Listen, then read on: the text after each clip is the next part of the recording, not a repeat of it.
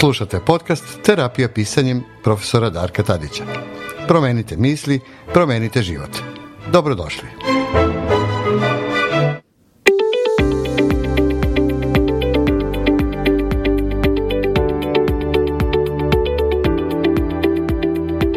Dobar dan i dobrodošli u najnoviju epizodu terapijskog pisanja. Danas imamo jednu uh, interesantnu temu na dnevnom redu, to je mobbing, odnosno zlostavljanje na poslu, odnosno sve psihičke posledice koje ljudi trpe i e, iz mog nekog iskustva u terapijskom pisanju e, imao sam dosta klijenata koji su imali prilično loše psihičke posledice i to je bio jedan od motiva da dođu recimo na terapijsko pisanje. E, moj današnji gost je Ivana Žanić. Ivana je e, pravnica, e, borac za ljudska prava i coach. Ivana, zdravo. Dobar dan. Evo Ivana, imamo jednu baš zanimljivu danas temu i kad smo se pripremali za ovaj razgovor, uh, meni je bilo drago da si ti uh, pristala da o ovome pričamo, i pogotovo iz dva ugla. Jedan je iz ugla prava, a jedan je iz ugla coachinga jeli, i kako to možemo da prevaziđamo ovaj mobbing ili zlostavljanje na poslu. Pa hajde za početak da nam malo više nešto o tome kažeš šta je to mobbing zapravo i kako se on uh, pojavljuje. E, Darko, hvala tebi na pozivu da učestvujem u tvojoj emisiji i pre svega zato što ćemo govoriti o temi zlostavljena na radu, jer mi se čini da je ta tema poslednjih godina veoma aktuelna, ne samo u svetu, već pre svega i ovde kod nas u Srbiji, jer svako malo vidimo ovaj, u medijima razne vrlo uznemirujuće novinske članke na temu loših uslova za rad radnika u, u Srbiji. I to jeste bio jedan od uh, razloga zbog čega se zakonodavac u našoj zemlji odlučio da se donese taj zakon o zabrani zlostavljanja na radu, odnosno kolokvilno rečeno zakon o mobingu još 2010. 10. godine.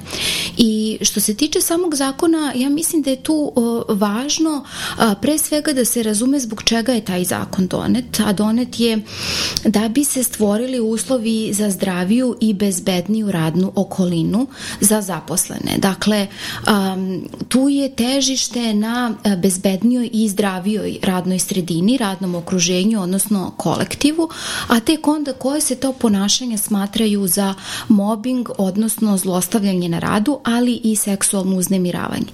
Dakle, za sve o, e, vaše slušaoce e, je važno da znaju da se ovaj zakon primenjuje i u slučaju seksualnog uznemiravanja na radu koji je takođe vrlo prisutan u Srbiji. Videli smo da su se neke hrabre žene odvažile da o tome pričaju u javnosti i kako su prošle. I kako su prošle, da i kako je javnost praktično reagovala na tu njihovu priču. Tako je, ali e, je važno da se zna dakle da ovaj zakon reguliše i te vrste slučava jer to jeste jedno od zlostavljanja zlostavljanja na radu. I onda e, da e, ovako najprostijim jezikom objasnimo da zlostavljanje na radu može biti e, bilo aktivno, bilo pasivno ponašanje, ne samo poslodavca, već i drugih kolega, koji se odvije u određenom kontinuitetu, dakle mora trajati neko određeno, određeno vreme, e, da je cilj tog ponašanja povreda e, dostojanstva, ugleda ili zdravlja zaposlenog, čime se zapravo stvara to jedno neprijateljstvo, ponižavajuće okruženje i čime se pogoršavaju uslovi rada, zaposleni se stavlja u izolaciju, kako bi on odlučio bilo da raskine radni odnos, bilo da da otkaz. Aha, kaže mi sada, ok, zakon je, e, kao i svaki zakon, e, suvoparan, jasan, mm -hmm. i po, ima određene procedure, jeli, kako mm -hmm. se mhm. sve to radi. Mm -hmm. Ali tu postoji sad i ova druga dimenzija, a to je kako zapravo pojedinac doživljava e, sada psihički tu celu torturu. Mm -hmm. e, e, ono što zakon može, naravno, jeste da ga zaštiti u izvesnoj meri.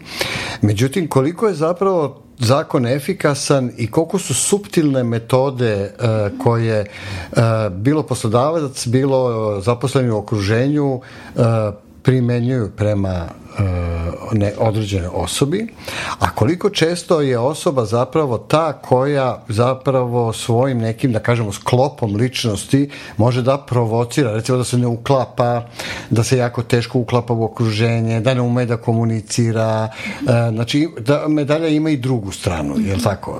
ovaj, e sad to je nekad vrlo teško, ja, e, kako to, ajde da se sada na početku zadržimo na, na zakonu, kako zakon zapravo to te nijanse prepoznaje i zapravo uh, da li su potrebni neki dokazi koje, i kakvi dokazi zapravo recimo neko ko je doživao mobbing može da podnese protiv poslodavca i kako zakon vidi tu? Da, to je jako važno sada ovde razgraničiti te, uh, te slučajeve. Ono što ja mogu da kažem, jer sam na prvom mestu pravnica, jeste da je važno da se zlostavljanje na radu prijavi. I to je, dakle, ona idealna situacija. Osoba je prepoznala da je žrtva mobinga, dovoljno je osnažena da prijavi to ponašanje i prosto želi da tu stvar istera do kraja. Kao što sam rekla, to je idealna situacija koja se u realnosti gotovo nikad ne dešava. Iz kog razloga? Pre svega zato što su ljudi uh, u strahu od gubitka posla. Jer vi kada ste žrtva mobinga, vi možete biti žrtva mobinga od strane kolege i onda vi tog kolegu treba da, da prijavite svom poslodavcu, odnosno svom neposrednom nadređenom. Osim toga što morate da prijavite kolegu, vi morate da obezbedite da druge kolege budu vaši svedoci tog zlonamernog ponašanja kolege koje vas zlostavlja. I mislim da tu sada već vidite prvi, uh, prvi problem. Prvo je to što kolega koji vrši mobbing uh, može biti uh, u kolokvijalno rečeno u milosti tog poslodavca, a sa druge strane vi time što tražite od drugih kolega da svedoče u vašu korist njih takođe stavljate na neku vrstu liste za odstrel, odnosno oni se stavljaju u jedan vrlo nezavidan položaj, da li da pomognu vama kao kolegi ili e, da prosto gledaju svoje posla i zadrže svoje, e, svoje radno, radno mesto. To je e, ona situacija, dakle, kada vas mobbinguje kolega. I taj je prvi put, dakle, da se obratite svom poslodavcu, odnosno neposrednom nadređenom. Ali ima više ovih drugih situacija kada vas zapravo mobbinguje poslodavac, šef ili direktor. U toj situaciji vi nemate kome da se obratite osim sudu. Dakle, vi morate da podnesete tužbu. Ta tužba onda se ovaj, zavodi i vodi kao radni spor I tu kao i u svakom drugom parničnom postupku morate da ponudite dokaze koje su na vašoj strani. E, tu je dolazi da... sad dona kritična stvar, koji su to dokazi i kako to sad ide stvarno u praksi? A, dokazi su pre svega, sud će vas kao zaposlenog saslušati, neophodno je da ponesete svu medicinsku dokumentaciju, a mislim da ćemo a, dalje u razgovoru govoriti o tim posledicama mobinga, dakle vi morate da imate a, tu vrstu svesti a, da vi trpite nekada fizičke i to se isto dešava, ali često psihičke posledice zlostavljanja na radu i onda morate da se obratite određenom stručnjaku koji će u medicinskoj dokumentaciji da navede sve vaše simptome i diagnozu i da je to posledica zapravo teških uslova e, rada i, a, i okruženja i takođe treba da obezbedite određene svedoke. Opet, ti svedoci trebalo bi da budu vaše kolege, Takođe, uh, u nekim slučajevima mogu to da budu i supružnici ili deca ako su odgovarajućeg uzrasta koji bi posvedočili o tim teškim uh, psihičkim ili fizičkim stanjima uh, zaposlenog, ali najčešće su to kolege koje bi trebale da, da svedoče. A koliko se to u praksi stvarno događa? U smislu, um, uh, verovatno postoje poprične subtilne metode mobinga, je li tako? Oni koji, kako bih rekao, tvojim, tvojim rečnikom, koji ne ostavljaju tragove. Znači, ako nema materijalnih tragova, mm -hmm. tipa mailova, recimo naredbi službenih, mm -hmm. papira koji idu s to, nego se ostane e, rekao on, rekla ja, mm -hmm. kako to onda ide u tim slučaju? Onda je to vrlo teško zato što se tu zapravo onda radi vaša reč protiv njegove, to, da. ako nema svedoka koje bi to mogli da, da potvrde. Ali ja iz, iz iskustva moram da kažem da ljudi koji vrše mobbing, dakle moberi, a, oni su vrlo svesni svog kažnjivog ponašanja, odnosno da to što rade i nije baš dozvoljeno i onda vrlo vode računa da li ostavljaju tragove ili ne ostavljaju tragove. Tako da su to često neki razgovori u četiri oka, u kuhinji, u prolazu, u nekim zajedničkim prostorijama e, i cilj je zapravo da bude sve to tako e, maglovito, da u slučaju da se vi pobunite, oni mogu da kažu, a pa ne, nisi ti to mene dobro razumela ili razumeo, nisam ja to tako mislio, pa da sam ja tako mislio ja bih napisao u mailu ili ovaj, Naravno, nešto, to je, e, nešto da, drugo. To, meni se čini da taj prostor sive zone tako zapravo predstavlja jedan vrlo klizav Jeste. teren i da je to zapravo najveća prepreka ovaj, da se e, pravno dovedu do kraja citi procesi, Tako. čak i da pokrenu, a onda i dovedu do kraja. Ima, koji sama znaš koliko ima ovih e, slučajeva suptilnog zlostavljanja, m, to što si rekla u prolazu, dobacivanja, ne znam, ovo, ono sve u četiri oka bez Tako. svedoka, a često je recimo i način mo, mo, mobiranja, pre, prebacivanja na drugo radno mesto ili zatrpavanja besmislenim poslom, jeli, koji, a isto je sve teško dokazivo. Da, to sam o, sad baš upravo htela da navedem te neke, da kažem, supt suptilne metode vršenja zlostavljanja na radu. To je, na primjer, isključivanje iz sastanaka, većina tima bude pozvana na sastanak, samo jedna osoba ne bude pozvana. Ili ako je pozvana na sastanak, na primjer samo toj osobi se ne da reč, a onda se njoj prebacuje što se nije dovoljno borila za, a, za reč, pa zato posao nije dovoljno dobro urađen. Ili odsustvo jasnih kriterijuma dovoljno dobro obavljenog posla. Ili davanje da, nerazumljivih zadataka. Je. Nerazumljivih sumanutih o, takođe ovaj, zadataka, onako onako vrlo maglovitih pod parolom uradi onako kako ti misliš da treba, pa onda kada zaposleni uradi onako kako on misli da treba, onda ovaj, eh, on nije bio dovoljno agilan i proaktivan u traženju jasnih jasnih smernica, onda često upoređivanje sa drugim zaposlenima koji uopšte a, ne obavljaju iste poslove, nemaju istu funkciju, nemaju a, isti nivo a, obrazovanja, kompetencija. Isto tako, ovaj, da kažemo, vađenje tih nekih stvari iz prošlosti, što možda nije bilo u redu u prošlosti, pa se onda konstantno vraća na taj jedan slučaj, gde se onda sva kasnije ponašanja zaposlenog podvode pod taj jedan um, tu jednu situaciju, dakle generalizacija. I često um, uh, kritikovanje neobavljenog posla, a već uh, ličnosti samog uh, zaposlenog. I onda žene sa kojima sam ja često razgovarala da je bilo to ovaj, eh, da su im šefovi govorili da su uh, guske, uh, da ništa ne znaju, da tehnika nije za žene, da se oni pitaju kako su one uopšte završile i osnovnu školu da, e, da su na vreme tučene kod kuće od strane oca ili muža, ne bi pod znacima navoda puštale jezik njemu, do onih e, mizoginičnih komentara u prolazu vezano za fizički izgled a, koleginice, ili uh, na ponašanje šta je dozvoljeno, šta nije, nije dož, dozvoljeno. To je isto sada uh, i pitanje patrijarhata, odnosno patrijarhalnog društva u kom, u kom mi živimo, gde žena uvek treba da ćuti i da trpi i nema ona sada šta tu da pušta uh, jezik, uh, naročito ne ovaj šefu ili a, ili poslodavcu. Ali to su sve te neke subtilne metode vrlo teško dokazive ako je ostavljaju posledice a, kako na kvalitet rada, a još važnije a, na zdravlje samog zaposlenog.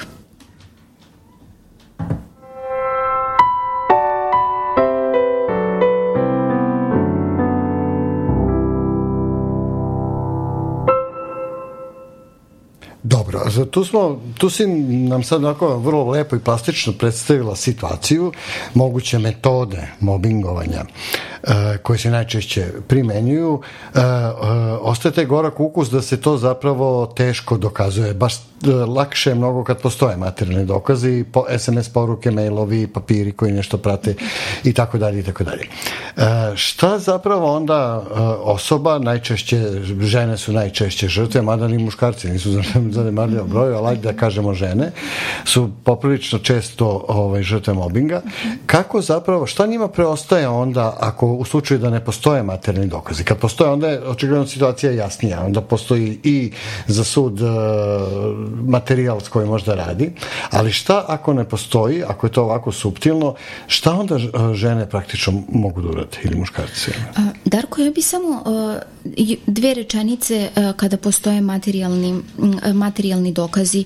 Prosto osjećam potrebu da, da to kažem jer će nas, e, ja verujem, pretežno slušati žene. Svest javnosti i osuda javnosti je nešto sasvim drugo. Znači, e, sudski postupak je jedno, vi imate dokaze, osnažili ste se da izađete i da kažete šta se, šta se desilo, ali je onda osuda javnosti e, bila grozna, gde su žene bile ponovo viktimizovane. Ne samo to što su bile žrtve, već su sada postale i žrtve javnosti. I e, zato je važno da se i to ima na umu. Dakle, da a, jedno je prijaviti, a drugo je boriti se onda tokom tog, a, e, tokom tog postupka.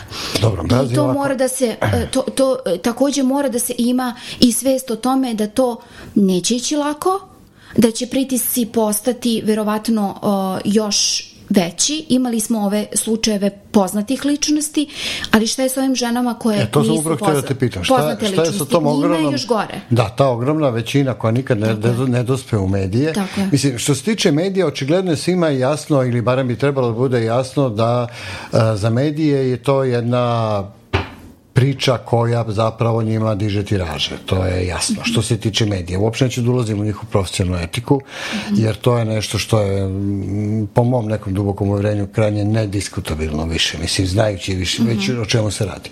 Takođe ni svest javnosti. Javnost koja jeste desentizirana, mislim, u, svakom smislu, takođe je jedna vrlo vadljiva kategorija. Možda bude ovako, možda on uglavnom reaguje kada su u pitanju poznate ličnosti, da se potegne neka kvazi diskusija koja zapravo i završi relativno brzo. Ali mene više zanima ova tiha većina, dakle, koja zapravo nikad ne dođe u javnost i koja je osuđena da to trpi, znači praktično u svojoj najbližoj okolini, drastične posledice uh, mobinga, odnosno uh, ili im propada zdravlje, to je ono što je meni najveća zapravo enigma, odnosno ovde želje da o tome pričamo, ili ti njihovi mikropokušaj zapravo da se izvuku iz jedne takve situacije. Očigledno je da u slučajevima, a mene pre svega ovde zanimaju slučajevi koji nemaju zapravo uh, materijalne dokaze, znači ti vešti predatori koji na tome rade, jer opet ponavljam, lakše kad se žena odluči da ode na sud, no i lakše kad ima dokaze, ne, nesumnjivo, znači pa bila poznata ili ne, terala ona to po privatnoj tužbi ili ne, sve jedno, ali ovde gde ne postoji, e, to je po meni gadna opasnost, jer to je, čini se, većina. Jeste. Većina je u toj situaciji, nema dokaza, primorana je da ostane na tom radnom mestu. Sada naravno taj termin primoranosti je diskutabilan i o tome možemo da, da razgovaramo, ali složit će, verujem da će se, da će se svi složiti uh, ljudi koji slušaju da, mislim, pričamo o, o realnosti, uh, nije lako pronaći drugi posao, uh, većina ljudi u Srbiji nema taj luksus da se samo okrene i ode i da kaže ja dajem otkaz pa uh, snaći ću se. Dakle, njima egzistencija zavisi zavisi od tog, od tog posla. Ono što sam ja videla u praksi jeste da u tim situacijama kreće jedna grozna izolovanost žrtve mobinga, odnosno ona se sve više povlači u sebe, distancira se i od onih kolega koji su u principu ne u istom sosu kao ona, ali u principu koji su na njenoj strani, distancira se, distancira se od svoje porodice i onda a, tu kreće taj začarani krug a, uticaje na zdravlje, Pre može da bude i na fizičko, pa se tu onda razvijaju razne autoimune bolesti. Najčešće su to bolesti štitne žlezde. Kod žena je uglavnom taj Hashimoto sindrom i neke druge autoimune imune bolesti, ali se razvijaju i određene psihičke smetnje. To su pre svega anksioznost, depresija, nesanica, uznemirenost, um, nemogućnost fokusa, pad koncentracije, pad produktivnosti i u onom krajnjem stadijumu nemogućnost obavljanja o, običnih svakodnevnih dnevnih aktivnosti. Dobro, i sad kad se osoba nađe u takvoj situaciji, mm -hmm. recimo s jedne strane, ajde uzmemo najgori scenariju mm -hmm. koji je čest, mm -hmm. da recimo, znači, nema materijalnih dokaza, mm -hmm. a, a, primorana je da zbog egzistencije ostane na tom radnom mestu u toj firmi da radi i tako dalje počinje da pati, dakle, psiholoških problema, onda dolaze i fizički, kao što si rekla, šta je onda činiti, dakle, ljudima? Znači, lako je reći daj otkaz i, i promeni firmu, ili ovaj, sedi trpi, što opet nije nikakvo rešenje, jer zapravo rezultat toga možda bude potpuno uništenje zdravlja, da ne kažemo i smrt na kraju, ne li Bože, ali ko zna šta se može da se desi iz toga. Šta zapravo onda može, recimo, da se, šta bi ti posavetovala tu osobu, šta da radi u takvom izgled bez izglednoj situaciji?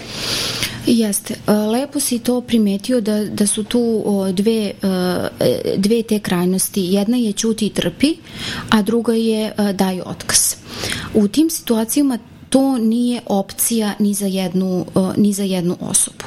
Šta treba da se uradi u toj situaciji? Mislim da je jako važno i ja sam tako doživela svoju ulogu danas u razgovoru sa tobom, jeste da se a, ljudima kaže da to šta oni trpe, da je to realno, da se to dešava, da nisu sami i da je to mnogo češće nego, da se to češće češće dešava nego što oni mogu da veruju. Iz kog razloga ovo kažem? Zato što ljudi misle, a, to je ova druga posledica o kojoj sam tela da govori, a, govorim a, kako mobbing utiče na, na tu svest o samom sebi. Ta svest o samom sebi se često reflektuje na te neke misli koje po pravilu ta osoba pre mobinga nije imala, a to je ja sam sigurno lud ili luda, ovo se nikome ne dešava, samo meni, kako drugi mogu ovo da istrpe, a samo ja ne mogu, sigurno ja u nečemu grešim. I to je ta jedan krug začaranih misli da osoba počinje da veruje da je samo do nje. I da je ona kriva, odnosno da je ona sama kriva za tu situaciju u kojoj se našla i veruje da je ona jedina kojoj se to dešava. Pa dragi ljudi koji ovo slušate, niste jedini kojima se to dešava i ovo ne kažem u nekom pežorativnom smislu da umanjim psihičke patnje sa kojima se ti ljudi suočavaju, već da je to mnogo češće verovatno i u vašoj firmi nego što možete da verujete. Dakle, to se dešava drugim ljudima, nije odgovornost na vama, odgovornost je na onome ko vrši mobbing. Sama svest da a, nije vaša odgovornost i nije vaša krivica a, može da dovede do malo manjeg bola koji postoji u tom, u tom trenutku. Ja mogu da govorim takođe iz svog ličnog iskustva gde je ta taj psihički pritisak se u jednom trenutku spustio u telo i onda sam zaista osjećala i te fizičke manifestacije bola u celom telu i kada sam osvestila pa za, zašto bih se ja osjećala loše, ne radim to ja? Kao a, nije moja odgovornost na tome može malo da umanji patnju. A na drugom mestu je da se kaže šta se dešava da nađete osobu od poverenja i posle možemo da pričamo ko to može biti i da kažete sve ono šta se vama dešava i koji je vaš doživljaj toga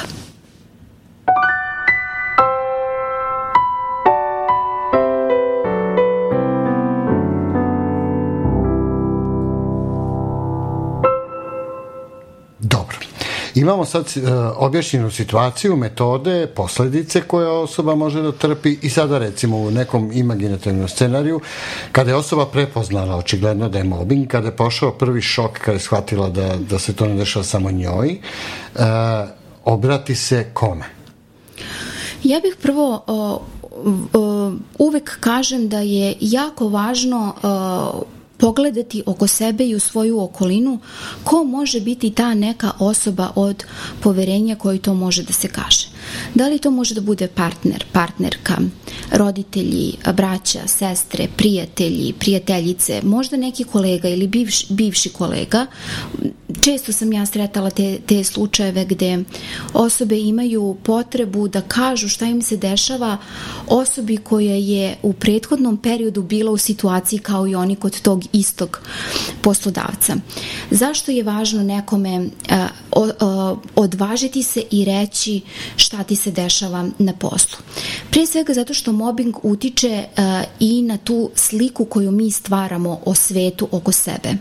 Često ljudi koji su žrtve mobbinga ceo svet doživljavaju kao jedno neprijateljski nastrojeno mesto i to je zato što uh, većinu vremena provode na poslu u tom jednom okruženju i onda to šta im se dešava na poslu onda preslikavaju i na njihov svet van tog radnog, radnog mesta i onda oni svet doživljavaju kao neprijateljsko, da su svi protiv njih, da njih niko ne voli, da oni nisu ni vredni ljubavi, pažnje, vredni da ih neko sasluša po savetu i ostalo. Na prvom mestu mislim da je važno odvažiti se i osnažiti se i reći jednoj osobi od poverenja šta vam se dešava. Dobro, i sad I pod recimo to... situacijom znači da je osoba uh, um, znaš što meni tu uh, moram da ti priznam nekada smeta kada su te uh, priče o mobingu, zlostavljanju i tako dalje u pitanju, što ok, kada ljudi uh, shvate da, da su predmet uh, mobinga, kada shvate da oni nisu krivi zapravo za to što rade, uh, što im se dešava, uh, povere se nekome, svi kažu dobro, uh, idi ti vidi malo kod psihijatra da, da li ćeš ti da rešiš taj problem sa njim. Zašto ja, kako ti objasnim, zašto ja moram da idem kod psihijatra, psiho, bilo koga, psihoterapeuta i tako dalje, ako je evidentno znači da je neko s polja, znači e, atakuje na mene, očigledno, mm -hmm. e, što je, kako bih rekao, prebacio loptu u društvenu sferu. Dakle, nisam sad ja to ovaj izmislio, dakle, pa sad se to mene ne događa i to samo u mojoj glavi, mm -hmm. nego očigledno neprijatelj s polja. Znači, neprijatelj me vreba, atakuje na mene, vrši pritisak iz svojih nekih motiva i razloga i zašto bi ja sad išao kod psihijatra? Znači, e, zapravo, kako da objasnim, mogu da odem da mi neko kaže, ok, e, to je jasno da mi da potvrdu, da to možda bude i prijatelj, i pravnik, mm -hmm. i advokat, i bilo ko.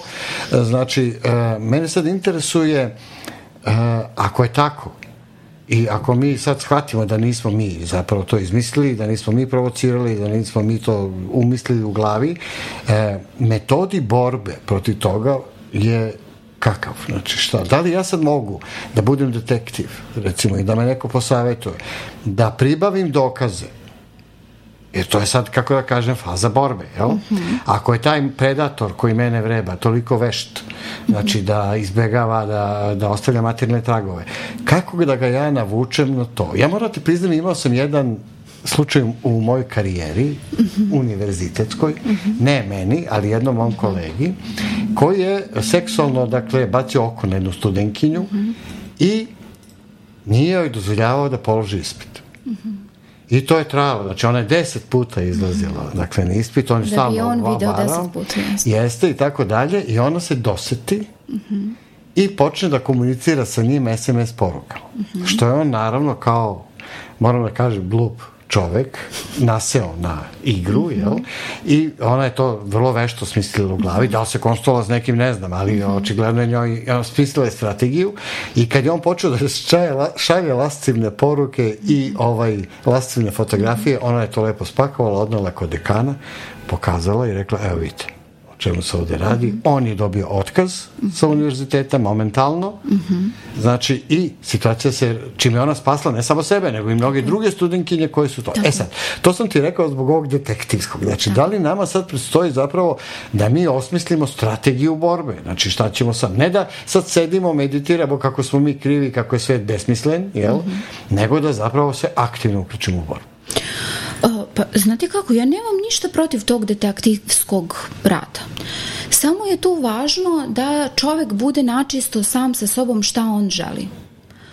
Ja lično o, nisam se bavila tim de detektivskim radom, zato što sam o, u jednom trenutku shvatila da od toga neće biti ništa. I onda sam se pre svega okrenula sebi da e, ja samo i sebi budem dobro da uh, uopšte se ne bavim time više šta će ta druga osoba meni da kaže ili da uradi. Odmah sam se okrenula time kako mogu da jačam svoje snage koje već imam u sebi, a svako od nas ih ima, samo smo u nekom trenutku zaboravili da ih imamo. Dakle, da jačam uh, svoje uh, jače strane još više, a one strane koje su mi slabije, da ih razvijam. Dobro, e sad pazi. Tu ima jedan vrlo interesantni moment apropo ovog svetla. Mm -hmm. Znači, mi možemo sebe da očvrsnemo u izvesnoj meri. Tako Međutim, je. mi ćemo i dalje odlaziti na to mesto, Tako jeli, gde će oni dalje vršiti pritisak, što znači da u, do izvesne mere, mislim, Tako mi to možemo da trpimo, ali posle posle toga već... Tako je. Obično ljudi kada dovoljno, oč, kada to sve, os, znači o, ovo moramo da kažemo, Osveste, da. ovo nije nešto što se dešava u roku od, od dva dana, naravno, tri dana, naravno, naravno. znači to mogu da, da budu i meseci, jer uh, to je jedan uh, proces osnaživanja samog, samog sebe. Ljudi kada dovoljno očvrsnu i kada poslože glavu, svoju glavu, ja kažem, posloži se Kao glava, tako Tako je, posloži se, posloži se u, ovaj, u, u, u glavi. Uh, ljudi često uh, traže uh, strategije izlaska uh, sa tog radnog mesta, odnosno traže drugi posao i traže neko bolje i lepše mesto, uh, mesto za sebe. Isto kao i ova studentkinja, ja sad ne znam o, kome se radi, ali mogu da, da pretpostavim taj misalni proces. Deset puta si me obarao, evidentno je i da nisam naučila za deset puta bih naučila smučilo mi se više da te, da te gledam šta ja mogu da uradim aha, slaćeš mi poruke u redu, tako ću da rešim tu situaciju spasit ću i sebe jer ću da odem kod drugog profesora da položim ispit ali i neke druge od tebe takvog ali uh, da ona uh, ona je verovatno kad je on oborio drugi, treći, četvrti, peti peti put mislila da s njom nešto nije u redu, da nije dobro razumela Sigurno da... je prošlo kroz tu prvu fazu. Da, I to, da, je, to je bio taj proces u kom da se kažemo, to sazrevanja. dešavalo, sazrevanja i šta ona može da uradi. Pazite, nije lako ni osmisliti tu strategiju.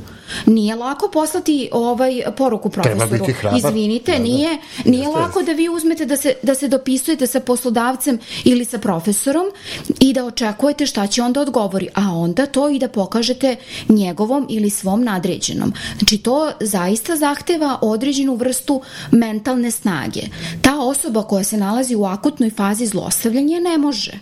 Znači, ali to je neki, neki proces. I sada će neko reći, pa da li on, uh, i dalje se ostaje u, uh, u mobingu.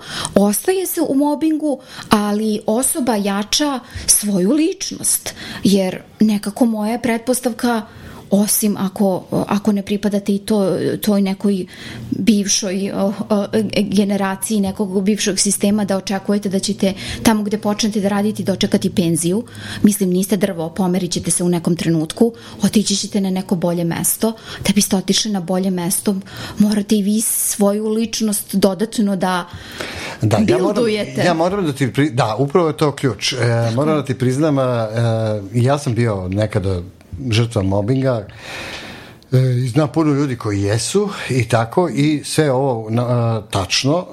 A, e, i tu zapravo zašto sam te naveo da o ovome govorimo? A, pre svega a, dolazimo do trenutka kada zapravo čovjek mora da uzme stvari u svoje ruke i da počne Tako aktivno je. se bori.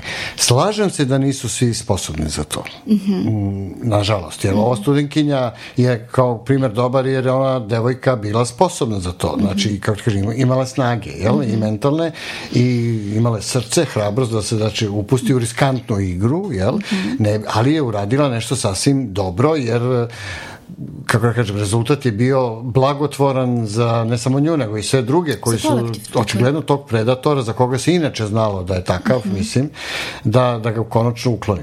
A, a, to je super. Jeste to redko, slažem mm -hmm. se, i da to većina ljudi možda teško da bi uradila, mm -hmm. da bi se uopšte upustila u tu igru. Ali ono što sam teo da kažem, znači, ne vredi da čovjek svaljuje krivicu na sebe. Ne Znači, očigledno, kad prođe prva faza šoka, znači prva faza žalovanja mm -hmm. i mhm. prva faza nesnalaženja mm -hmm. i mhm. prva faza dok se tu kocke ne poslože šta se tu zapravo događa, to je onda očigledno nam predstoji ili što si rekla da odemo, znači Tako da skupimo svoje stvari, jer očigledno nje, firmu ne možemo, kompaniju ne možemo Tako da menjamo, a Tako. pogotovo ako je šef u pitanju. Tako. Uh, da ne govorimo o toj borbi uzaludno se treničamo oko kolege su uglavnom svi izmaknu i svi se boje za svoje tako mesto, je. to je realnost života. Tako je, tako Niko je. neće da se pometne, ali zašto bi, mm -hmm. žrtvo svoju egzistenciju. Tako da i to drugo isto vrlo hrabro. Znači, ako čovjek proceni da je sposoban, znači da ako mogu zaraditi sa svojih deset prsti ovde, zaradit ću mm -hmm. i na drugom tako mestu. Znači, ali to su, moram priznati, ređe odluke. Jeste. Uh, vrlo su onako, kako da kažem, hrabre, ja skidam kapu svakom ko, mm -hmm. ko odluči da uradi tako nešto, ali zaista nema drugog izlaza. Znači, ako ne može, čak i da ga dobijemo na sudu, čak i da ga dobijemo na sudu. Tako je, pitanje je da li vi hoćete da se vratite u takav Upravo kolektiv? Tako, u tu jednu toksičnu sredinu tako gde je. su mini predatori iz njegovog okruženja i dalje tu. Tako je. Znači, tako sigurno je. firma neće se promeniti zbog mene. Zbog jedne zbog presude. Jedne, zbog jedne presude, da. Tako, tako da su to zapravo, ja nekako mislim da mi treba da ohrabrimo ljude da se bore.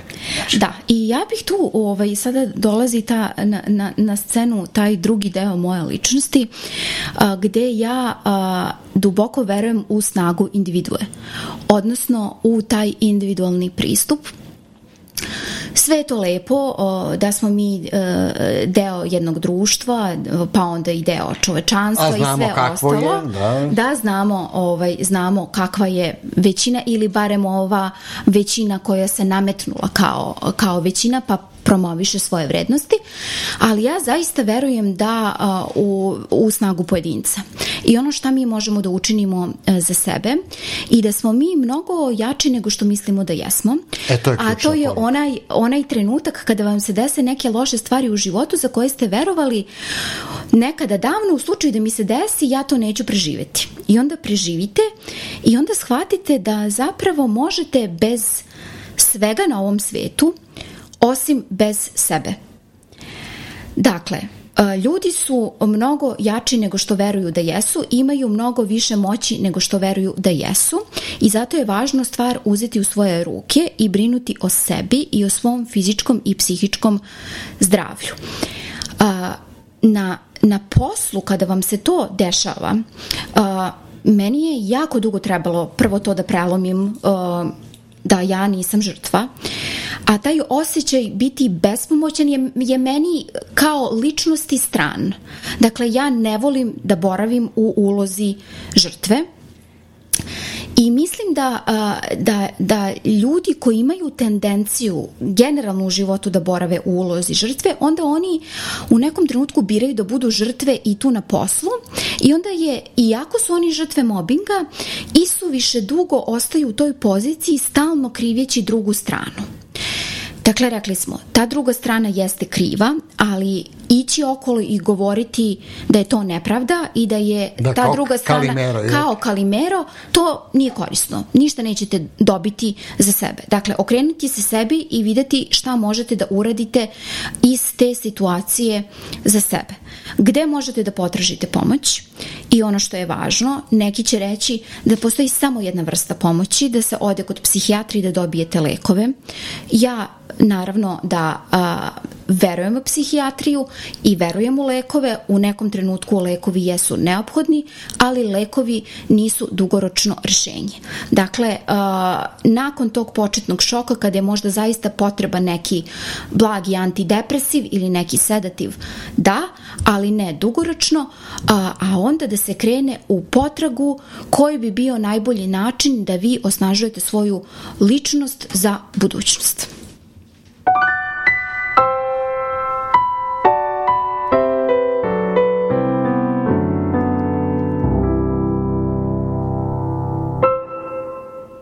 Upravo to, mislim da je to poenta našeg e, zapravo ideje da napravimo jednu ovakvu emisiju, a to je da ohrabrimo ljude zapravo da se bore.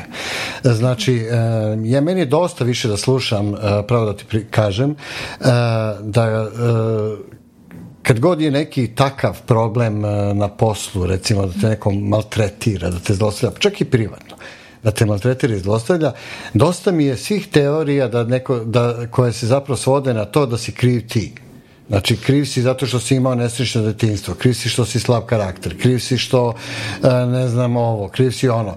Dakle, Ili idi, si party breaker. Jeste, si party da. breaker da. i što si različit, i što Tako si drugačiji. Idi kući, meditiraj, bit će ti bolje. Uh, misli pozitivno, bit će ti bolje. Neće da ti bude bolje.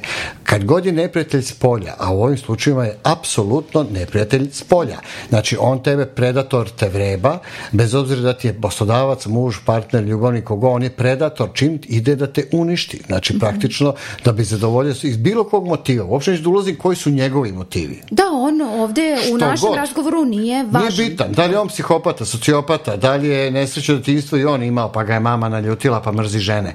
To uopšte nije bitno. Mislim, Tako. bitno je da je on predator koji tebe vreba i želi da uništi iz nekog razloga. Što znači da je borba jedini put. Borba, kao što si rekla, može da bude ok sud, naravno, pravni me, me, ovaj, melemi, da može da se zadovolji pravda, ne moraš da se vratiš na taj posao, istere svoju pravdu i tako dalje. Može da bude da odeš, da promeniš posao, donešeš čvrstu odluku, naći ćeš negde bolji posao, veruj u sebe, tako je. naći ćeš zdraviju sredinu u kojoj ćeš da cvetaš, a ne da veneš ovamo, da stojiš, pa makar kakva god plata, ja sam imao takav slučaj, mhm. kakva god plata da ti je, meni to ta, ni, ni te silne pare ne vrede ako sam ja uveno i umro kao osoba. I onda te pare trošiš da bi se očitavio, jeste. da možeš da odeš ja, na taj, taj isti ja posao. Ja sam jednom kolegi rekao, crći ti te pare koje si zaradio drugu polovinu života ćeš ih dati na doktor i lekove. Tako je. Znači, znaš što si potrošio pare, eto na to. Znači, praktično, tako da je, zaista treba ljude osnažiti, ali osnažiti to, da, kao što si rekla, da budu borci, da uzmu život u svoje ruke, da rizikuju, Neko ostanu bez posla neko vreme. Snaći će se, neće niko umreti. Mislim, e, neće se srušiti nebo ako se to desi. A veruj mi, ja to zaista iz svog iskustva mogu da kažem, otvorit će se druge prilike i uvek se otvore. Da, kada pobegnete iz tog uh, toksičnog okruženja, uh, neke drugačije stvari zaista krenu da se dešavaju. Zašto? Zato što vi dok ste tamo, vi trošite svoju dragocenu energiju umesto da stvarate, da imate ciljeve u životu, da donosite neke pametne odluke, da planirate. Vi svoju energiju trošite na preživljavanje. Da preživite od 9 do 5, da preživite od 8 do 4, da preživite samo još taj projekat, samo još taj sastanak. Dakle, sve vaše se, sva vaša energija se se usmerila na to da vi se samo fokusirate da samo nešto prođe, umesto da planirate svoj život i svoju budućnost, Upravo što je cilj. A, I u tom trenutku zaista se dese neke, a, neke druge druge stvari. Da li će to odmah biti bolje? Verovatno neće I to je isto činjenica. I, ali ne, i nekom... sigurno neće. To je, to je normalno Tako da taj pad će morati da traje neko vreme dok se sakupimo, jeli? Tako je, dok se sakupite, da, dok se ta energija povrati, dok se, pa i da isto kažemo, dok se ti nivoji hormona u mozgu ne povrate, jer mi trošimo uh, uh, kortizol nam skače kad smo pod stresom, kad smo u, uh, u strahu, dok se ti nivoji ne, ne povrate, nama će sigurno biti teško.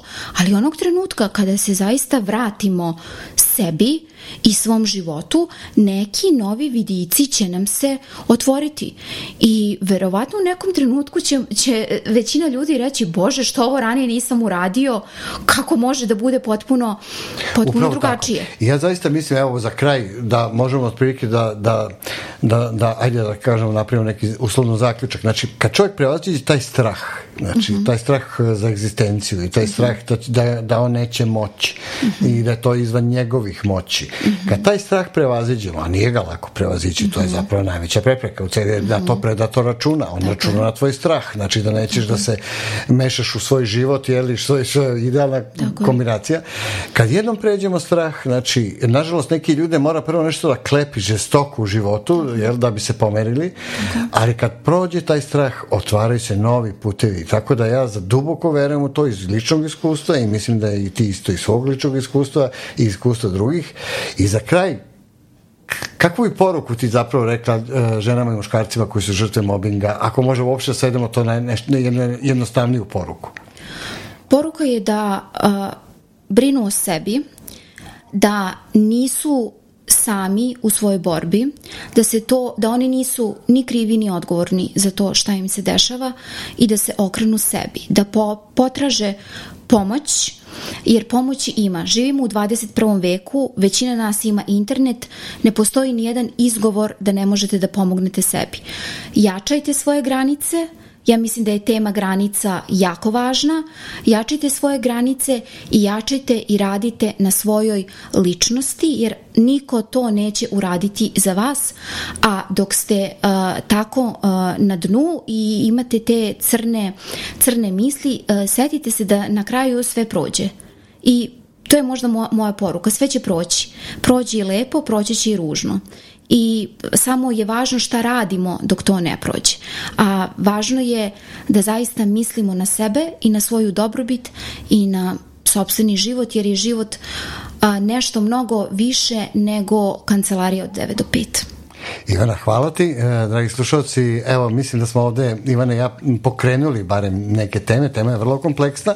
Pišite nam i pratite e, moj podcast na www.terapijapisanjem.com odeljak podcast. E, slušajte nove epizode, svake subote izlazi nova epizoda. Budite uz nas i do slušanja. Slušate podcast Terapija pisanjem profesora Darka Tadića. Promenite misli, promenite život. Dobrodošli.